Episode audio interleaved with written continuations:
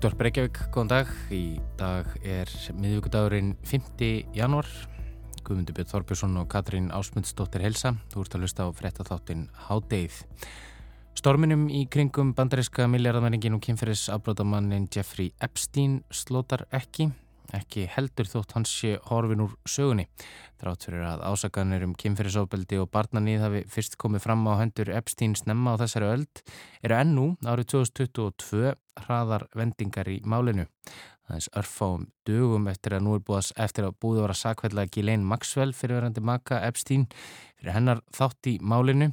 Síkna fangaverðina tvo sem voru á vakt daginn sem Epstein lést í fangaklefa sínum og ofinbera sáttargerð Virginia, millir Virginia Jeffrey og Jeffrey Epstein frá 2009 sem liði í yngamáli Jeffreys gegn Andresi Hertoga af Jórvík sem hún sakar um gróft kynferðislegt ofbeldi. Katrín skoðar sáttargerðina og málaferlin í síðari hluta þáttarins.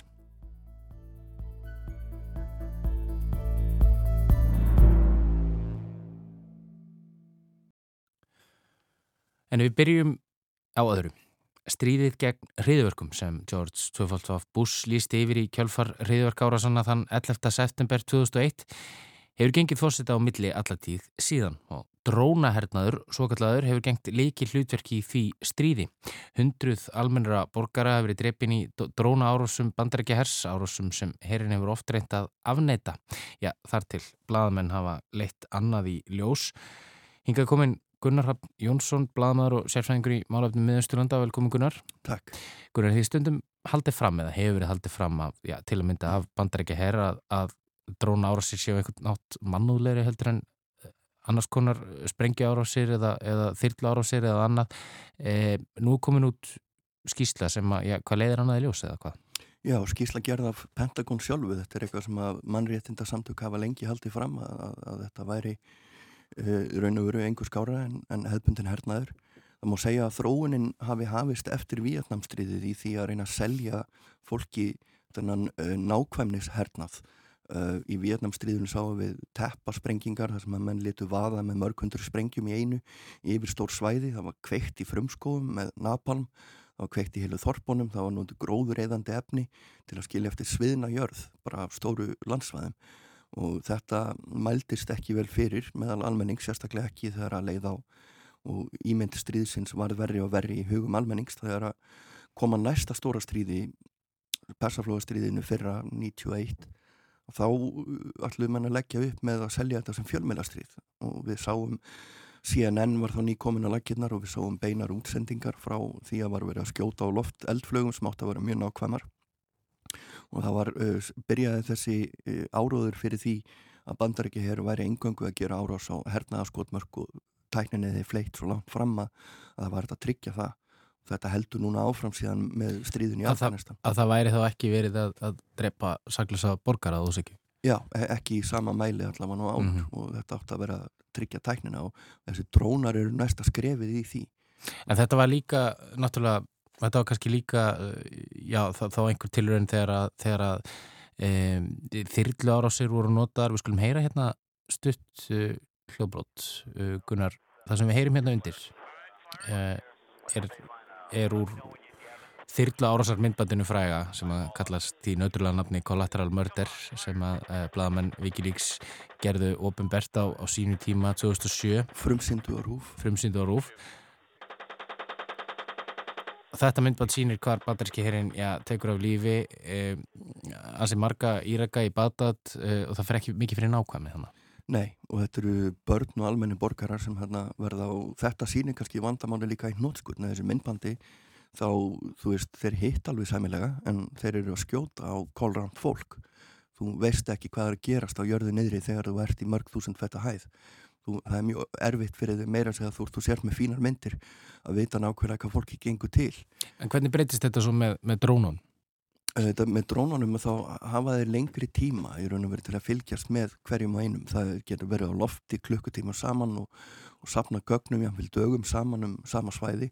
Þannig að það er rannsóknar vinna sem að drónarnir vinna í rauninni líka. Þeir eru ekki bara að, að, að fremja sjálf, sjálf, sjálf voðaverkin. Já, einmitt, sem að gera þetta í raun og veru á sumuleiti ennþá óvögnarlegra fyrir almenna borgara sem hefa líst því að þeir vakna á mótnana og það heyra er söðið í drónunum og þeir fara að sofa á nóttunni þá heyra er ennþá suðið í drónunum. Og svo eitt góða við þetta kannski viku setna falla sprengjur.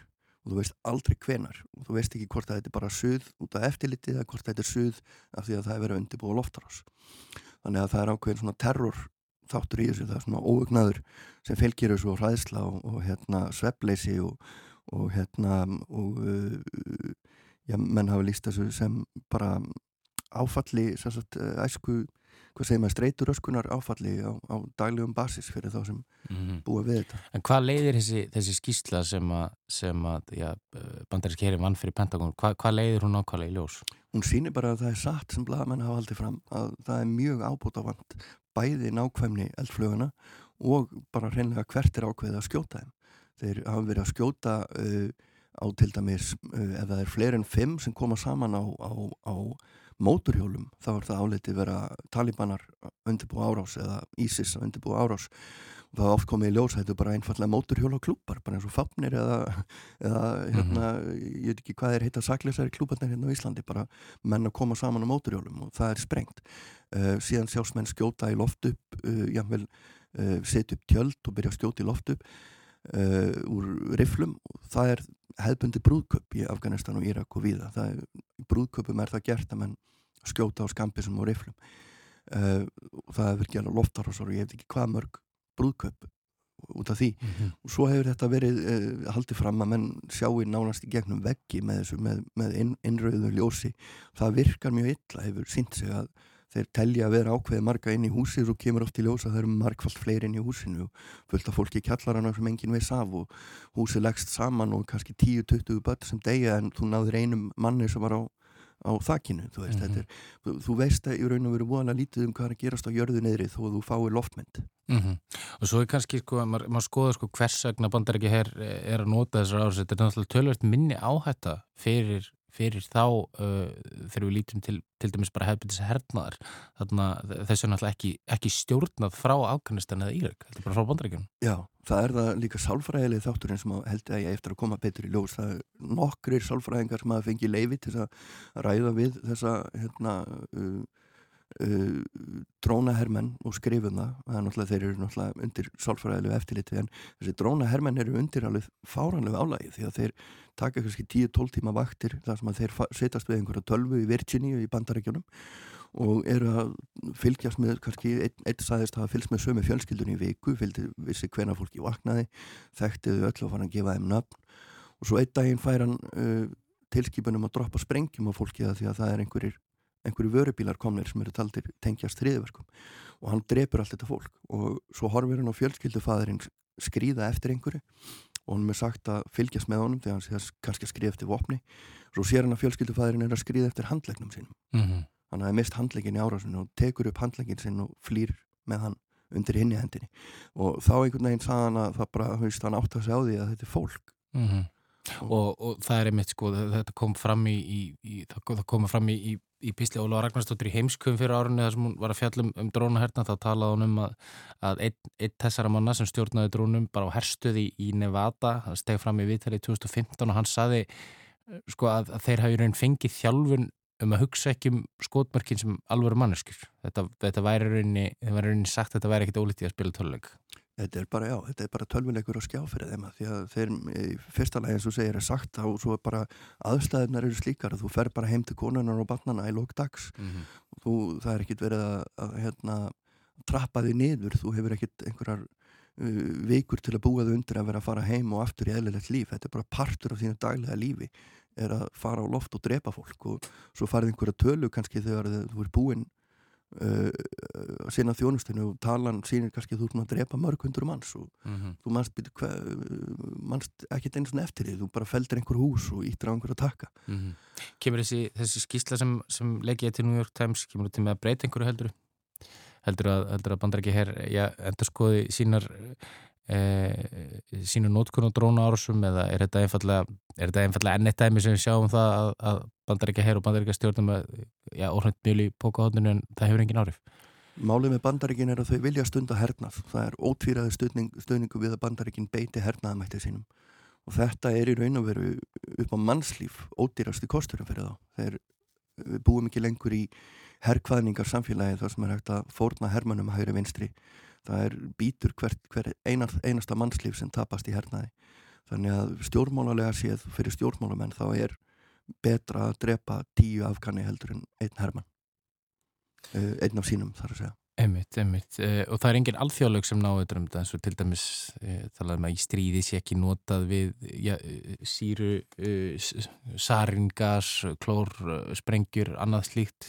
Drónatir falla ekki undir neitt svo leiðis. Fyrstu árin sem að bandaríkinn voru með þessa tækni stóður eru nú verið einir aðinni þannig að þá var engin áhugi á að setja neinn bönd á hana en eftir því sem kynverjar hafa sótt fram og fleiri þá hafa komið fram hugmyndir um að setja einhvers konar skorður á tæknina en en eins og fyrr þá telja bandarækjum en alþjóðlega sáttmála um hernað oft ekki falla telja sig ekki falla undir þá reyna þeir eru með alls konar undan þáru og klausur í eigin lögum sem að gera það verkum að, að ef að þeir eru beittir til dæmis uh, alþjóðalögum af, af domstólum í hag að þá áskilja þessi rétt til þess að beita hervaldi til að frelsa hermenn sína.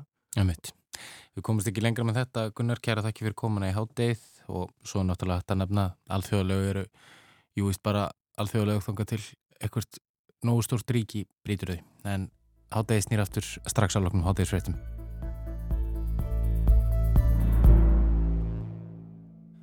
Bandaríski miljardamæringurinn og kynferðisafbrótamadurinn Jeffrey Epstein fannst látin í fangaglega sínum í New York í ágúst 2019 þar sem hann beði réttar halda vegna fjölda ásakana um kynferðisofbildi og misnótkun. En þrátt fyrir að hann hafi yfirgefið þennan heimlifa afleðingar gjörða hans enn og þær eru víða og snerta marga. Katrín tekur nú við.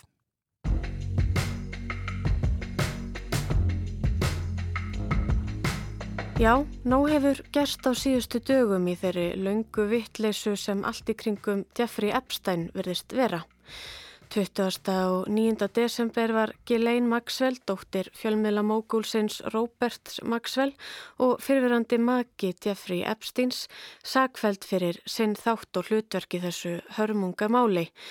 En hún er sagð að hafa verið á hans vitorði og aðstóðaðan við brot hans á minst tíu ára tímabili frá 1994 til 2004 svo sem með mannsali og með því að tæla ungar stúlkur sumar hverjar undir lögaldri sem Epstein svo misnotaði.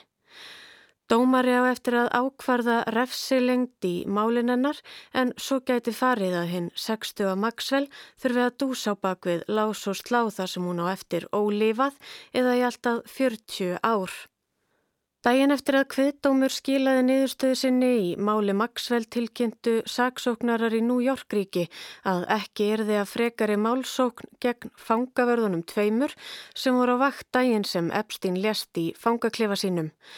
Réttameinafræðingur úrskurðaði að Epstein hefði fyrirfæri sér en einhverjar finnast þær þó kenningarnar og samsæriskenningarnar sem segja annað og þau sem haldaði fram að auðmaðurinn hafi verið myrtur í klefa sínum hafa týnt ímislegt til máli sínu til stuðnings.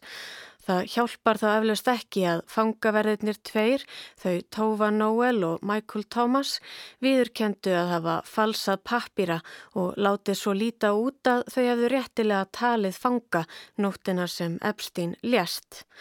Þau voru ákjærði í november fyrir vanrækslu og þeim gert að sinna samfélagstjónustu. Frekari málaferðli gegn þeim voru á kortinu en nú hafa saksóknarar tekið af borðinu. Gamla árið sem sagt endaði á vendingum í þessu ömulega máli öllu og byrjaði á öðrum slíkum. En nú síðast bara í gær dróð til tíðenda og þá í máli Virginia Goffrey, einna þeirra fjölmörgu kvenna sem sagaði Epsteinum kynferðisbrót gegn sér þegar hún var undir lögaldri og Andrésar hertoga af Jórvík af öllu mönnum.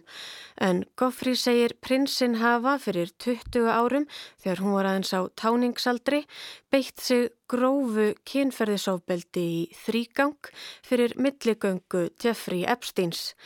Tísva sinnum á heimilum Epsteins, annars vegar í New York og hins vegar á Jómfrúregjum og einu sinni á heimili Ghislaine Maxwell í Lundunum þegar hún var aðeins 17 ára.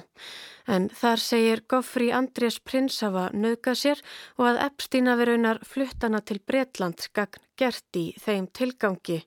Hún segir að hún hafi verið vakin af Maxwell í Lundunum morgunin sem brotið átti sér stað með orðunum Þú mynd hitta prins í dag og meðvitið um að það stæði til að selja hana til þessa konungsborna manns. Hún segir þá að Jeffrey Epstein hafi margsinnis þingað hana til að stunda kynlíf með öðrum valdamiklum og auðugum mönnum í hans kunningjahópi að Andresi prins með töldum eða allt frá því að hún var 15 ára gömul. Hún segir prinsina að veri geranda, ofbeldismann og virkan þáttakanda í misnótkun Epstein-sáni. Og ásaganirnar eru skýrar í gögnum málsins. Þar er fullirt að prinsina við stundað kynferðislegar aðtapnir með henni án samþyggisennar, vitandi hvað hún var gömul og að hún hafi verið fórnarlamp kynlífsfrælkunar. Hertógin hafi nýtt sér auð sinn vald, stöðu og tengsl til að misnota hrætt og viðkvæmt barn. Hún lifi enn í dag með afleiðingunum en í málskjölunum segir að svo öfgakenda og svíverðilega framkoma sem henni var sínt vald henni stöðugt verulegri, tilfinningalegri og sálrætni vannlíðan og skada. Andrés Hertói af Jórvík sem nú er 61 ás hefur ávalt neyta sög með misgóðum árangri kannski þó. En viðtal sem prinsinn veitti Breska ríkisútvarpinu eða BBC um tengsl hans við Epstein og ásakanirnar gegn honum sjálfum árið 2019 vakti aðtikli og eftirtækt heimsbyggðarinnar. Sér í lagi sérstök framkoma og fjärstaðukendar útskýringar hertu hans. En hann sagðist meðal annars ekki hafa geta verið með Virginíu Guffri það kvöld sem hún segir brotið í Lundunum hafa átt sér stað því þá hafi hann einmitt verið stattur með dóttur sinni á pizzastaði Woking í Breitlandi eftirminnilega. Why would you remember that so specifically? Because going to Pizza Express in Woking is an unusual thing for me to do. I've only been through Woking a couple of times and I remember it weirdly distinctly. Uh, but as soon as somebody reminded me of it, I went, oh yes, I remember that. Guffri sem lísti atvikum og atbörðum í smáatriðum sagðist muna vel eftir því hversu löðurandi sveittur hertógin var þar sem þau dönsuðu saman á skemmtistað í Lundunum. En þar hafði Andrés útskýringar á reyðum höndum. Hann sagði yfirlýsingu Gáfrís einfaldlega ekki geta staðist þar sem hann hefði á þessum tíma ekki getað svitnað. Atburðir og hefðu gert það að verkum. Slight problem with, with, with, with, the sweating because uh, I, I have a peculiar medical condition which is that I don't sweat um, or I didn't sweat at the time. it, it, was, it, was, it was almost impossible for me to, to, to sweat. And it's only because I have done a number of things in, in the recent past that I'm starting to be able to do that again. Útskýringar Andrésarum hvers vegna í ósköpunum hann hefði þegi bóðum að gista á heimili Epsteins í New York vitandi að hann hefði þega verið dæmdur fyrir barnanýð voru einnig áhugaverðar. Jú, það var þannig að hann ákvaða halda til stórborgarinnar til að segja Epstein upp vinskapnum í kjölfardómsins, augliti til auglitis. I felt that doing it over the telephone was the chicken's way of doing it. I had to go and see him and talk to him. En yndur eftir því hvers vegna hann dvaldi hjá honum í nokkrar nætur, sagðan það raunar bara hafa verið heppilegt. You were staying at the house of yes. a convicted sex offender. It was a convenient place to stay. Þá sagði prinsinn Marti vittnesburði Goffrís stangast á við sannleikan og sagði svo ímislegt og allskunnar æventýralegt annað. And I, I admit fully that, that, that, that my judgment was probably coloured by my tendency to be too honourable. Virginia Goffrey gaf sjálf lítið fyrir útskýringar og eftiráskýringar hertóans. I'm calling BS on this because that's what it is. He knows what happened. I know what happened. And there's only one of us telling the truth and I know that's me. Eftir þetta fjasko leið ekki á lungu þar til fjöldi fyrirtækja og stopnana slitu tengslum við prinsinn, almannatengillan sagði upp störfum og að endingu sagði hann sig sjálfur frá öllum opinberum skildum við bresku hyrðina, sagði samband hans við Epstein augljóslega skapa erfileika fyrir krúnuna og allt þeirra góða starf og raunar hefur lítið sest til hans opinberlega síðan þá. Oh, it's definitely me. I mean, that's a, that's a picture of me.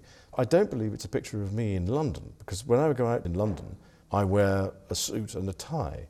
That's what I would describe as those are my travelling clothes if I'm going to go, if I'm going overseas. Andrés Hertogi hefur aldrei verið ákjærður vegna málsins. Lundúna lauruglan tók það til rannsóknar en eftir yfirferði við gögn málsins lit lauruglan það falla niður í oktober í fyrra. Virginia Guffrey höfðaði hins vegar engamál Vestanhafs gegn prinsinum fyrir domstólum í New York í ágústi fyrra sem enn er til meðferðar. Og það var vist ekkert grín að koma málinu almennilega í kring því fyrst þurfti að stefna prinsinum meðlim bresku konungsfjölskyldunar, fólk sem almennt er ekki mjög ínáanlegt. Og það þurft að gera með löglegum, skilirtum hætti því annars er stefna ekki tæk fyrir dómi og mál getur því ekki farið fram. Lögmenn Goffrís lendi því klandri strax á fyrstu stegu málsins og þurftu virkilega að vinna sér inn fyrir kaupi sínu og ímislegt var reynd, stefnan var sendt með brefpósti, tölvupósti og að endingu var sérlegur sendibóði sendur beint til vinsor en honum var svo reyndar gert að skilja stefnuna eftir við hliðið. Þeim var þó af erfiðinu að lokum en það kostaði sitt og kostar enn sitt því dómari hefur enn ekki ákveðið hvort máli verði tekið til efnislegar meðferðar en prinsin hefur krafist þess að málinu verði vísa frá. Láminn hans haldaði fram að engar sannanir likið því til grundvallar og þá segja þeir að sáttagerð sem Goffrey gerði við Jeffrey Epstein árið 2009 komi í veg fyrir að hún geti sótt mál gegn hertónum af Jórvík. Leint hefur ávalt kvilt yfir sáttagerðinni og innihald og efni hennar því verið þrætu eplimilli lögmanna Goffrey og hertóhans fyrir domstólum sem loks úrskurðuðu að gera mættana ofinbera og það var svo loks gert nú á mánudaginn. Today was the long awaited release of a document that was a settlement agreement in 2009 between Jeffrey Epstein and Virginia Jeffrey.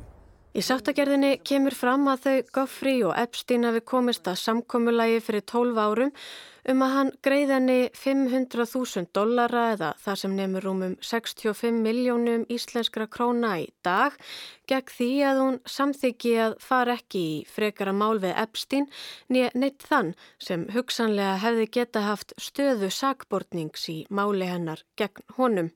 En þrátt fyrir að nú sé efni sáttafyrirkomulagsins orði ljóst er deila lögmannanna þó ekki leist. Lögfræðiteimi Hertóhans vil meina að samkomulægið milli Epsteins og Goffrey þýði að hún get ekki sótt prinsinn til saga. Tólka megi sáttafyrirkomulægið þannig að það útiloki prinsinn frá málaferlum, taki sem sagt einnig til hans.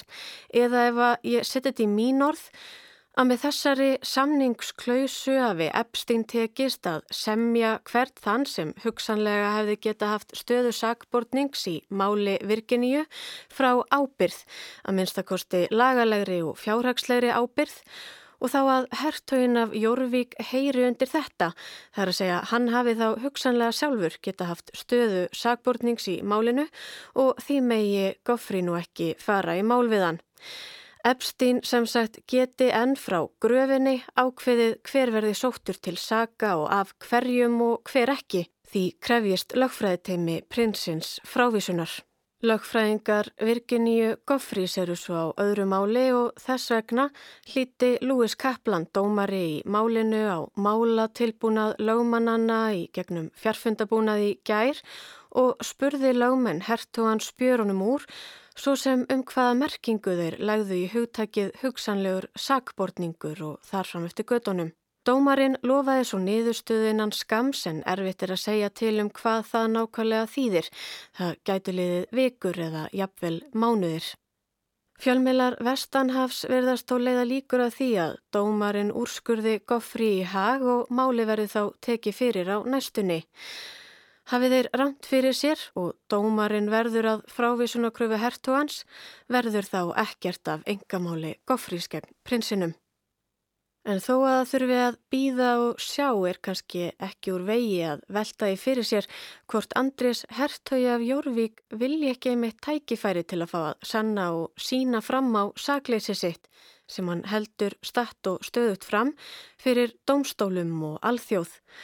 Láta jafnvel úrskurða í málinu í stað þess að fá því vísað frá á grundvelli einhvers konar enga samnings.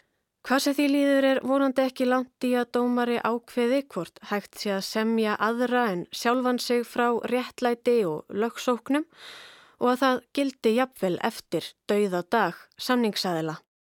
Is there anything you feel has been left unsaid that you would like to say now? No, I don't think so. Your Royal Highness, thank you. Thank you very much indeed.